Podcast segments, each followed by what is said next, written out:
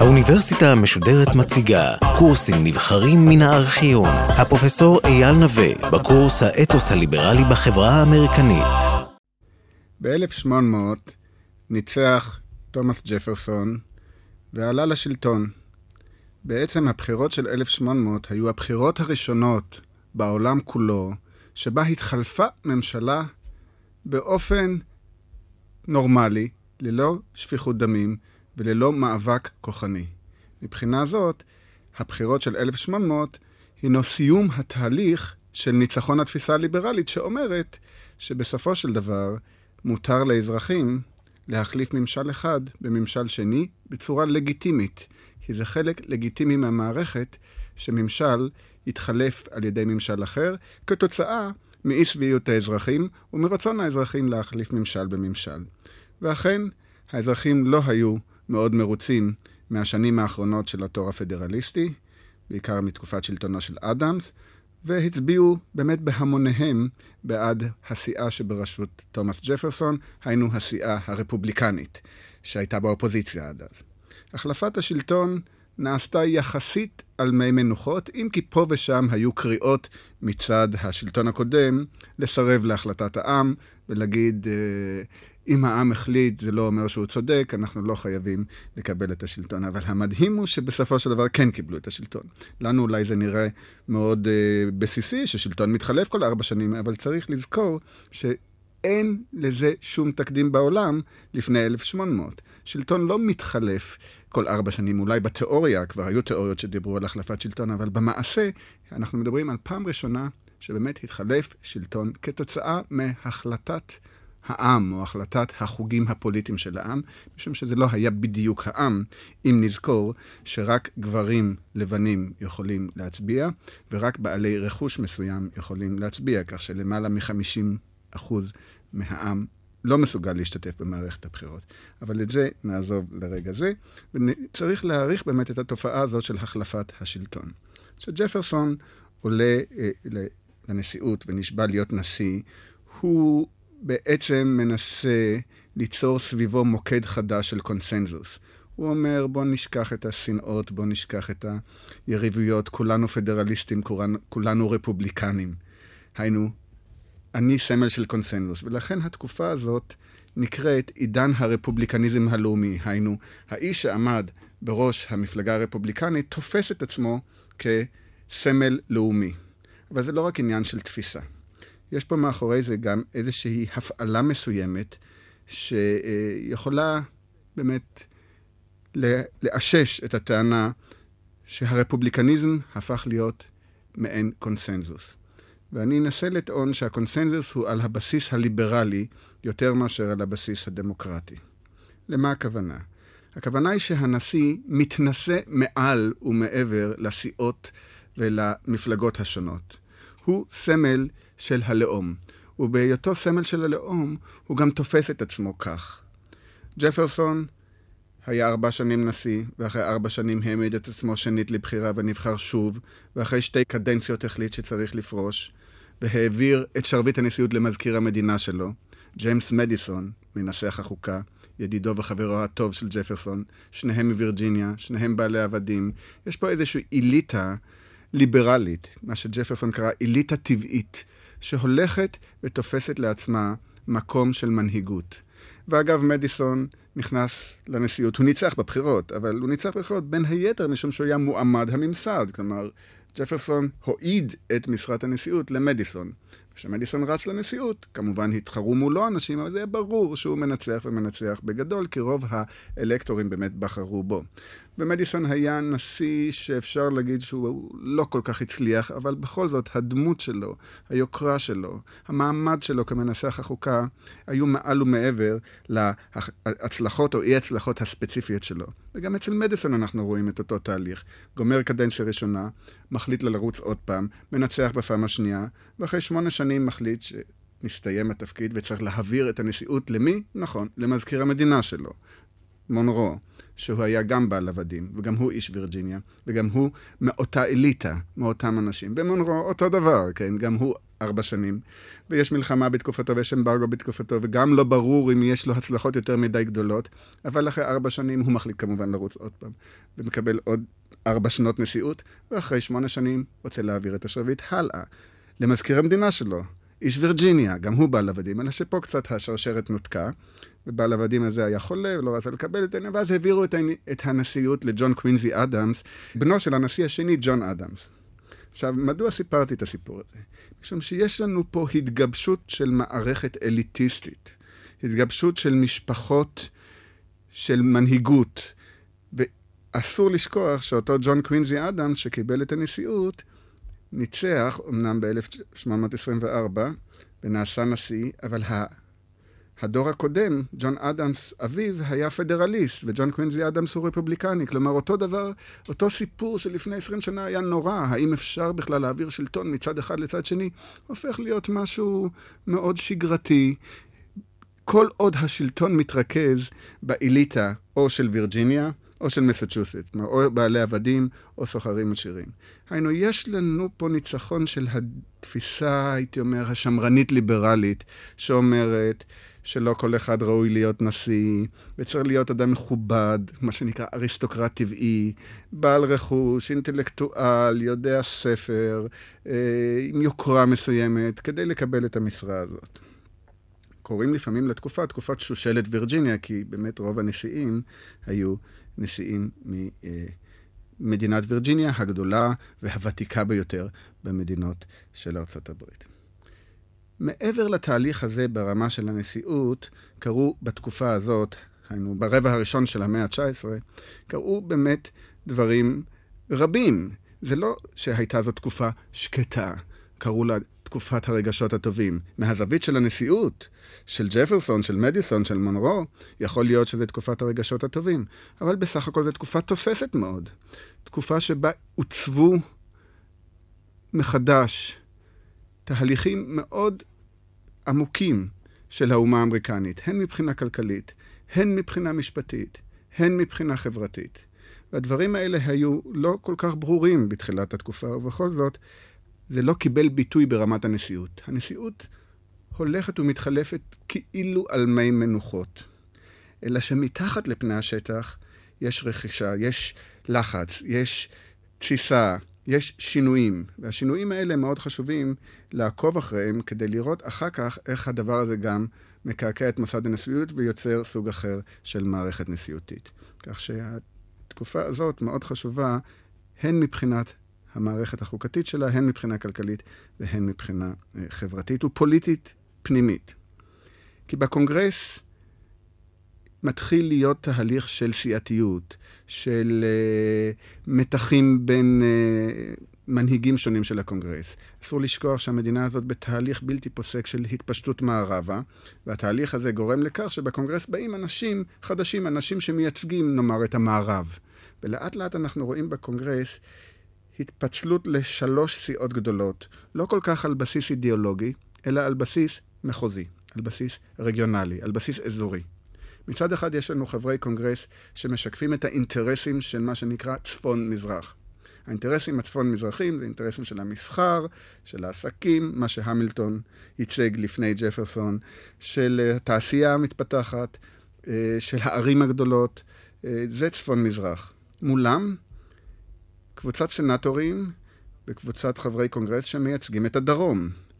בעל העבדים, את הדרום החקלאי, את הדרום של האחוזות הגדולות, את הדרום שבעצם כלכלת השוק עוד לא חדרה אליו, ואם היא חדרה, היא רק תפסה את אותה יחידה של בעלי עבדים גדולים, שבאים בקשרי מסחר עם הצפון, בעוד שרוב הדרום הלבן הוא של אנשים, חוואים קטנים, שיש להם חווה קטנטנה, שאפילו אוכלים את מה שמגדלים ולא נכנסים למערכת של כלכלת שוק. והחל מ-1800 מה... אנחנו הולכים ורואים התגבשות של סיעה שלישית, שאולי היא החשובה ביותר, וזה המערב. הסיעה של המערב. בראש הסיעה הזאת עומד פוליטיקאי מאוד ממולח בשם הנרי קליי, שהוא רואה את עצמו כמי שמסמל את השיטה האמריקנית. הוא קורא לזה The American System.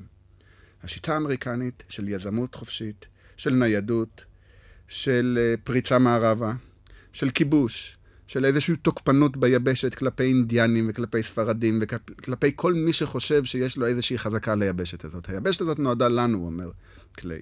והוא מייצג סיעה שהיא סיעה מאוד דינמית. גם הוא צעיר יחסית, וחברי הקונגרס והסנטורים מהמערב הם באמת ממדינות חדשות, שזה עתה קמו. והמערב הוא מאוד דינמי. עכשיו, לרוב כל ההחלטות וכל החוקים שנקבעים בקונגרס באותה תקופה, צריכים לעבור איזשהי תהליך של שידוד מערכות בין שלוש הסיעות האלה. וברגע ששתיים מתוך שלוש הסיעות מקבלות את התפיסה הזאת, אז החוק עובר. לפעמים זה ברית בין הצפון והמערב מול הדרום, לפעמים זה ברית צפון-דרום מול מערב, אה, לפעמים זה ברית אה, מערב ודרום מול צפון. זה מאוד תלוי בסוגיה עצמה. אבל היו כל כך הרבה סוגיות, כמו מכסי מגן, כמו מה לעשות עם רכוש של לויאליסטים, כמו עניין של גשרים ושיפורים פנימיים, הרבה מאוד סוגיות קונקרטיות, ש... צריך להחליט בהם. ההחלטה היא לרוב לפי אינטרסים של מנהיגי הסיעות השונות. וכאן הדברים מאוד אקטיביים, כאן דברים מאוד דינמיים. זה לא על מי מנוחות. הרבה פעמים צריך להכריע הכרעות, והכרעות הן גורמות לכך שצד אחד מנצח, צד אחד מפסיד. כפי שבאמת המערכת הליברלית חושבת שצריך להיות, שיש לנו איזה, איזושהי מערכת שבסופו של דבר מאזנת ומרסנת את עצמה, וגורמת לכך שההכרעות הן פועל יוצא של פשרה מסוימת, והפשרה הזאת לא כל כך הרסנית. ואכן הפשרות שהיו באמת לא היו הרסניות, ונראה שהמערכת עובדת. נראה שהמערכת עובדת, היו קונפליקטים, היו סכסוכים, היו אינטרסים מתנגשים, אבל בסופו של דבר עיקרון הפשרה עבד. הוא עבד ברמה הנשיאותית, שהנשיא לא התערב בדברים האלה ותמיד היה מעל הסוגיות השונות, אבל הוא עבד גם ברמה הפוליטית של הרשות המחוקקת, ששם נוצרה מעין מערכת של פשרה. אנשים עשו קואליציות ופרקו קואליציות ועשו קואליציות אחרות כדי להעביר נושא מסוים, וזה פחות או יותר עבד. אבל זה עבד גם בגלל עוד דבר, וזה אולי הדבר החשוב ביותר באותה תקופה. ג'ון מרשל. זוכרים את ג'ון מרשל, נשיא בית המשפט העליון. האיש הזה מחזיק במשרתו במשך למעלה משלושים שנה. ויש לו תפיסה לגלית מסוימת, שהוא מצליח להעביר אותה כל זמן שהוא היה נשיא בית המשפט העליון. והתפיסה הזאת אומרת שבסופו של דבר, אם המערכת הפוליטית לא מגיעה להכרעה, הדברים צריכים להגיע להכרעה על ידי השופטים, על ידי בית המשפט העליון. כל קונפליקט, אם הוא באמת חשוב, אם הוא באמת בעייתי, אם הוא באמת סוגיה שאי אפשר למצוא בפשרה, בסופו של דבר צריך לעבור דרגה ולהיות נדון בבית המשפט העליון. ואז, כשדנים בקונפליקט בבית המשפט העליון, אופי הקונפליקט משתנה, משום שמוציאים ממנו את הלהט, את הדמגוגיה, את הפנייה לקהל כי צריך להיבחר בעוד ארבע שנים. שם זה עומד בפני ועדת מומחים, של שופטים ממונים, שהם לא צריכים לפנות לקהל, כי הם לא תלויים בקהל. הם נבחרו לכל, הם מונו לכל ימי חייהם, ולכן הם יכולים להיות הרבה יותר ניטרלים. זו תפיסה מסוימת שרואה בבית משפט העליון מעין מתווך סופי. מתווך סופי שבאמת הולך לדון בדברים להווייתם. מבלי להיות מושפע משיקולים פוליטיים או מפופולריות זו או אחרת. כלומר, התפיסה היא תפיסה באמת לא דמוקרטית, אבל תפיסה ליברלית. הנה מקור נוסף של הכרעה, מקור נוסף של סמכות שצריך להיות מעל הפוליטיקה, מעל הדמוקרטיה, מעל ה... הריב והדמגוגיה והצעקות והפנייה שלא לשמה לכל מיני עיניים פופולריות. שם צריך לדון בסוגיה. עכשיו, כשדנים בסוגיה ככה, היא הופכת להיות סוגיה טכנית. סוגיה ללא להט. נורא קשה לצאת לבריקדות ולצד הזה או לצד השני. זה אנשים מכובדים, זה אנשים שכותבים בשפה מכסה ושפה לא מגלה. מי יכול לקרוא את מה שהם כותבים? קראתם פעם פסקי דין, הרי זה די משעמם, זה די טכני, זה יודעי סוד. מצד אחד בא אדם אחד ומציג את הסוגיה ככה. עורך דין שני מציג את הסוגיה אחרת. הצגת הסוגיה משנה את השפה. מוציאים מהסוגיה את, ה, את האלמנטים המתלהמים ומתלהטים.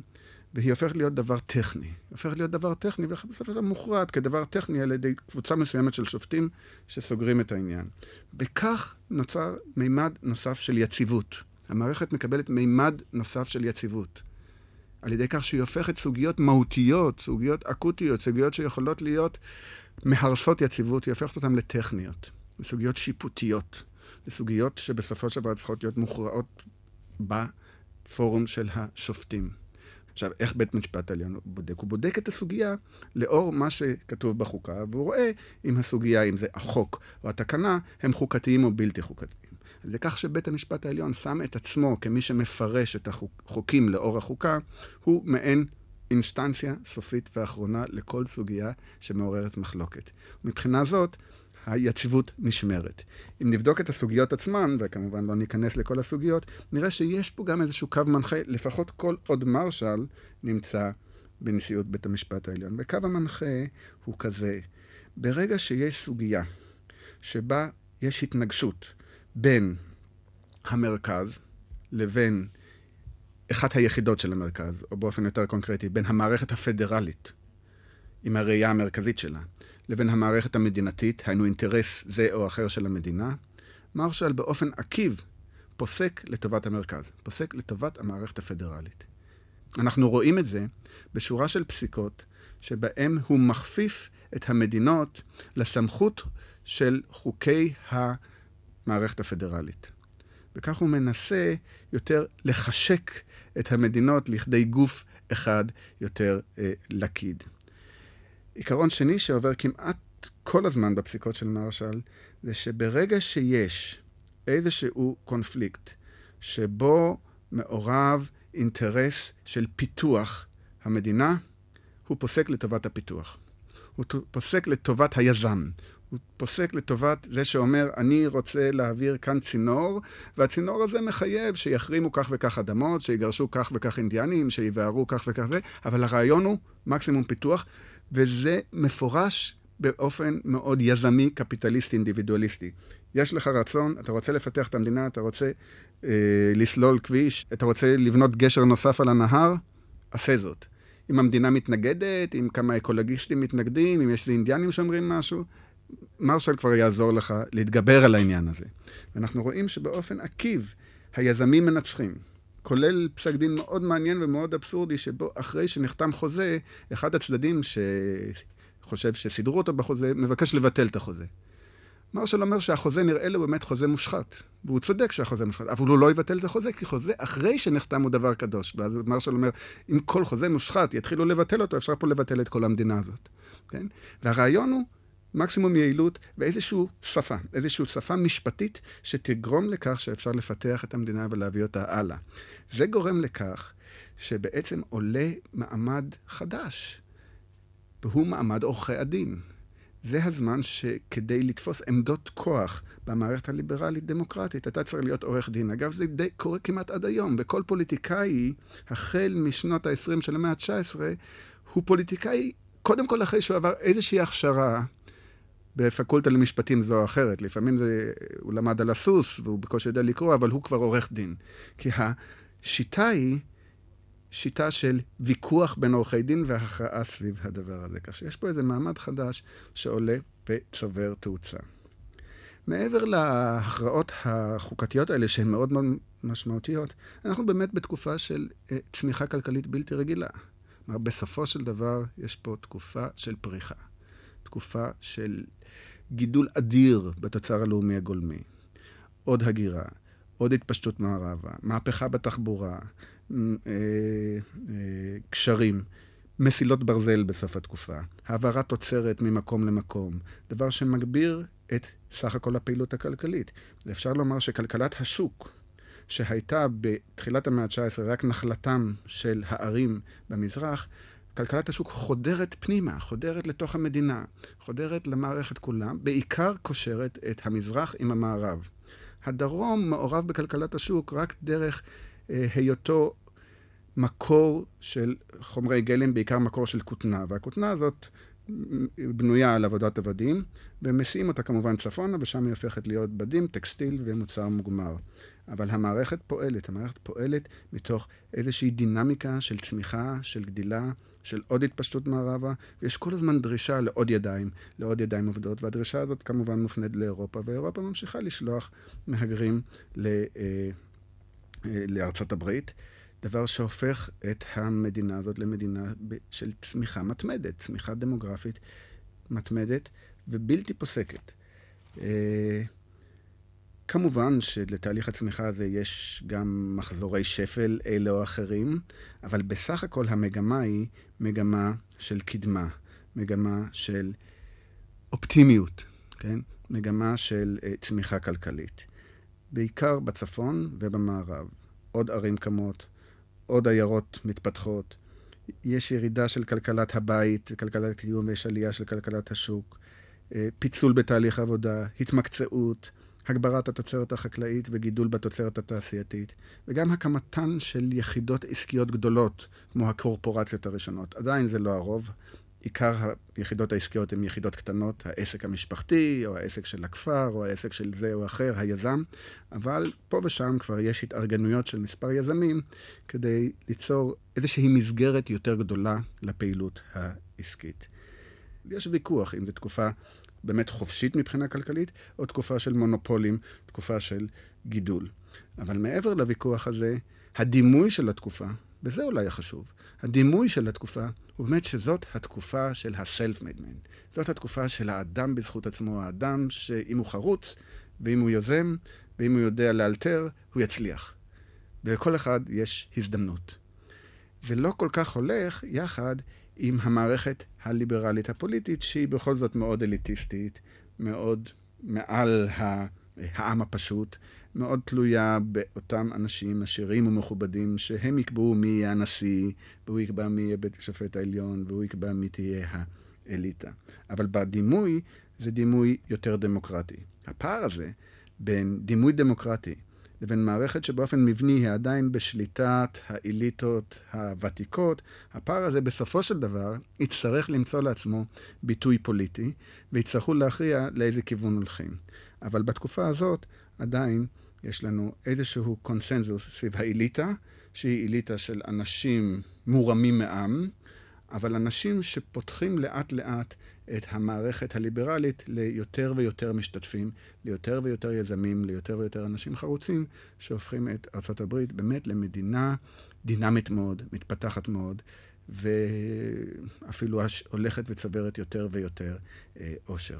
העושר הזה לא חולק כמובן באופן שווה בין האוכלוסייה, אבל העושר הזה הלך והתרחב. הוא הלך והתרחב, ויותר ויותר אנשים יכלו לראות בעצמם כבעלי רכוש. רכוש קטן, אבל בעלי רכוש. ובהיותם בעלי רכוש, ראו עצמם חלק מהמערכת הליברלית. השאלה הייתה, האם גם מי שאין לו רכוש, בהנחה שיהיה לו יום אחד רכוש, גם הוא כבר יכול להשתתף בתהליך הדמוקרטי. והשאלה הזאת עדיין לא נפתרה בשלב הזה, היא תיפתר כעשר שנים מאוחר יותר בתקופת שלטונו של הנשיא ג'קסון.